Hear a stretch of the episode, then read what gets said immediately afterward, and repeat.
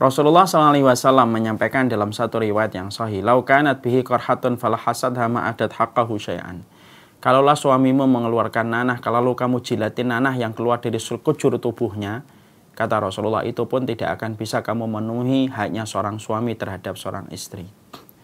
Suami ketika dia telah menghalalkan seorang wanita di hadapan Allah semenjak hari akad nikah terjadi, semenjak pada saat itulah dia bertanggung jawab dalam urusan dunia dan akhirat sang istri. Apa yang dia makan, apa yang dia teguk, apa yang dia minum, apa yang dia pakai, pertama kali hisapnya tidak tertuju kepada dirimu sebagai istri tetapi tertuju kepada dirinya sebagai seorang suami. Hari ini engkau memakan bubur, maka pertama kali yang ditanya, wahai suami, hari ini istrimu memakan bubur. Dari mana hartanya dan bagaimana kamu mendapatkan harta itu? Semua itu akan ditanggung oleh seorang suami untuk menunjukkan betapa beratnya tanggung jawab yang dia miliki di hadapan Allah. Belum lagi ketika seorang suami ketika sudah menikah, dia mencabut sifat bakhil dan kikirnya. Tidak ada seorang suami ketika dia berbagi kepada istrinya merasa berat. Padahal dia di hadapan komunitasnya, mungkin dia tidak akan mampu berbagi setiap waktunya. Tapi dia bisa berbagi setiap waktunya kepada sang istri. Karena Allah mencabut bakhilnya di dalam hatinya ketika dia telah menghalalkan seorang wanita. Dan sesungguhnya Allah memerintahkan seorang istri untuk taat kepada sang suami, berbuat baiklah kepada suami itu bukan karena suami. Kalau kita berbuat baik kepada suami, mungkin kita akan kecewa. Karena perempuan kuat dengan perasaannya dan laki-laki kuat dengan logikanya. Sebaik apa pun laki-laki akan terasa itu mengecewakan bagi istri karena cara berpikirnya dengan cara berpikir yang berbeda. Tapi berbuat baiklah kepada sang suami itu karena kita tahu di balik punggung suami kita itu ada delapan pintu surga. Allah tidak menyuruhmu, wahai kaum Hawa, untuk pergi ke Palestina mengangkat senjata. Allah tidak menyuruhmu pergi kaum Hawa untuk ke Suriah untuk mengangkat senjata. Allah cuma menyuruhmu untuk mendapatkan surga di balik punggung suamimu. Karena keridoan dia maka sesungguhnya delapan pintu surga akan memanggil namamu dan mempersilahkan masing-masing pintu itu untuk dilewati oleh dirimu. Jihadnya wanita itu bukan dengan sholat sunnahnya. Jihadnya wanita itu bukan dengan puasa sunnahnya. Demi Allah, enggak. Jihadnya wanita itu adalah ketika wajahnya dipandang oleh suaminya itu menyenangkan. Rasulullah pernah ditanya, Ya Rasulullah, bagaimana kriteria wanita solihah? Maka Nabi mengatakan, yang apabila kamu memandangnya menyenangkan. Nabi tidak mengatakan yang banyak sholat sunnahnya, yang banyak puasa sunnahnya, yang kemudian banyak sedekahnya. Tidak. Nabi mengatakan yang pertama itu apa? Ketika engkau memandangnya menyenangkan. Dan tidaklah seorang wanita itu menyenangkan kecuali dia tahu apa yang dia lakukan kepada suaminya itu berakibat dengan terbukanya delapan pintu surga. Kita kecewa dengan suami pasti laki-laki yang hari ini telah menikahi kita ini laki-laki akhir zaman yang mereka pasti punya kekurangan dan pasti punya khilaf dan kemaksiatan. Tapi sesungguhnya ketika mereka menjadi laki-laki akhir zaman yang penuh dengan kekurangan, bukankah kita juga kurang? Bukankah kita juga salah? Dan apabila laki-laki punya kemaksiatan itu tanggung jawab dia di hadapan Allah yang akan dia pertanggungjawabkan di hadapan Allah. Tapi kita diperintahkan untuk terus berbuat ketaatan kepadanya, menyenangkan hatinya. Maka Allah yang akan menjamin kebaikan untuk putra putrimu dan Allah akan menjamin keberkahan untuk keluargamu.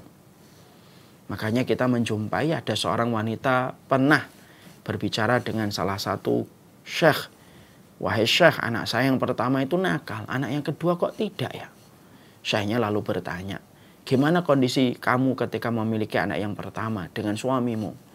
Saya sering bertengkar saya awal-awal kami menikah. Lalu bagaimana posisimu ketika kamu memiliki anak yang kedua? Kami sudah melewati banyak sekali turbulence dan akhirnya kami lebih rukun ketika memiliki anak yang kedua dan saya sudah mulai belajar untuk berkorban kepada suami saya.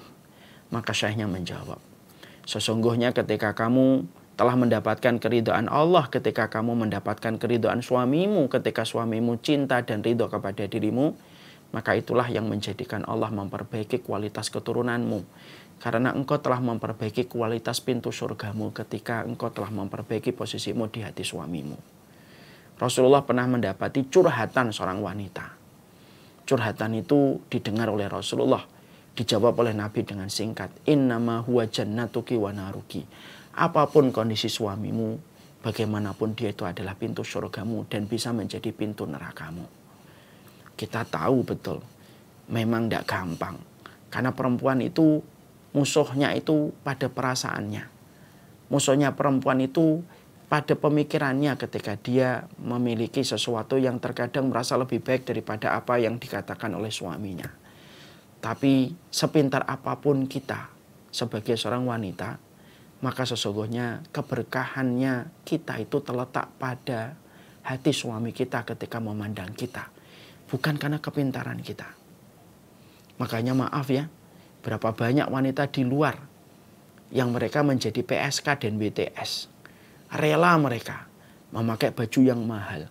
Rela mereka memakai minyak wangi, minyak wangi yang mahal. Rela mereka melakukan berbagai macam perawatan kecantikan. Hanya untuk menarik seorang laki-laki dari orang yang bersuami, dari orang yang beristri. Hanya untuk mendapatkan segepok uangnya. Tapi mereka rela untuk tersenyum. Mereka rela untuk menyenangkan laki-laki itu. Padahal yang didapat cuma segepok uang. Lalu setelah itu dia ditinggalkan setelah hajat dan nafsunya itu terpenuhi. Hanya untuk segepok uang kita mendapati banyak perempuan rela tersenyum, rela melakukan apa saja hanya untuk menyenangkan laki-laki hidung belang ketika berzina dengan dirinya. Kalaulah perempuan yang tidak paham akhirat aja berani menyenangkan seorang laki-laki hanya segepok uang. Bukankah wanita yang paham kematian itu akan datang? Wanita yang paham bahwasanya surganya itu dia akan dia inginkan dia harusnya lebih daripada usahanya seorang wanita WTS ketika menggoda seorang laki-laki. Karena perempuan yang tahu jalan ke surga, tahu jalan ke surga itu bagi dia tidak rumit, tidak panjang ketika membuka Google atau Maps. Tapi sederhananya wanita untuk mendapatkan jalan ke surganya. Di balik hatinya ketika ada keriduan dari suaminya, di situlah jalan terbuka untuk mendapatkan surganya Allah.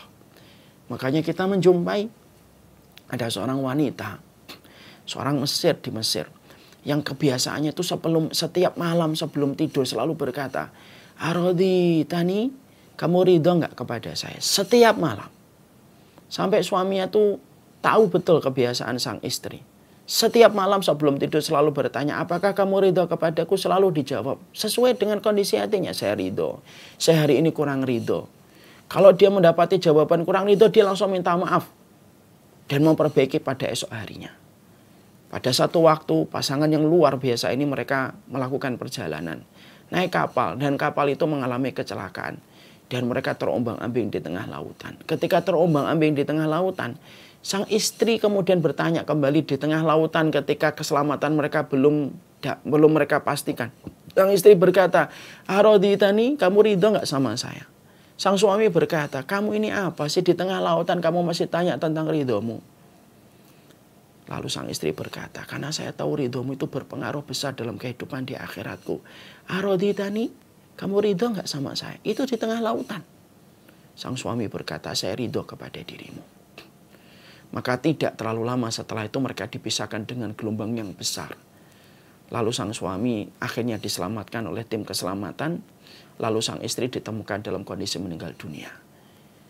Di channel televisi nasional Mesir, sang suami berkata, saya ridho kepadanya. Dan semoga keridoan saya menjadikan kuburannya dilapangkan. Dan semoga dia dipanggil oleh delapan pintu surga. Itu tuh sebenarnya simpel. Jangan kita berharap, coba kalau suami saya nabi, coba suami saya rasul. Kalau itu kita omongkan, malu kita sama Asia. Suaminya Fir'aun, tapi dia bisa masuk surga. Dan itulah yang kita harus lakukan. Kebaikan kita, satu senyuman seorang wanita, ketika dia meredam perasaannya, memadamkan seribu kemaksiatan di luar rumahnya. Tapi satu masamnya wanita ketika bermuka masam, dia melihat suaminya, bisa menghidupkan seribu kemaksiatan di luar rumahnya. Dan itulah tugasnya wanita. Allah yang membebankan itu karena Allah tahu. Allah itu ingin meringankan wanita dalam perjalanan dia untuk mendapatkan surganya Allah. Maka berikanlah yang terbaik kepada suami kita. Urusan anak kita diurus sisanya oleh Allah. Dan yang pasti, tidak main-main. Delapan pintu surga menanti kepada mereka yang telah mendapatkan keridhaan dari suaminya.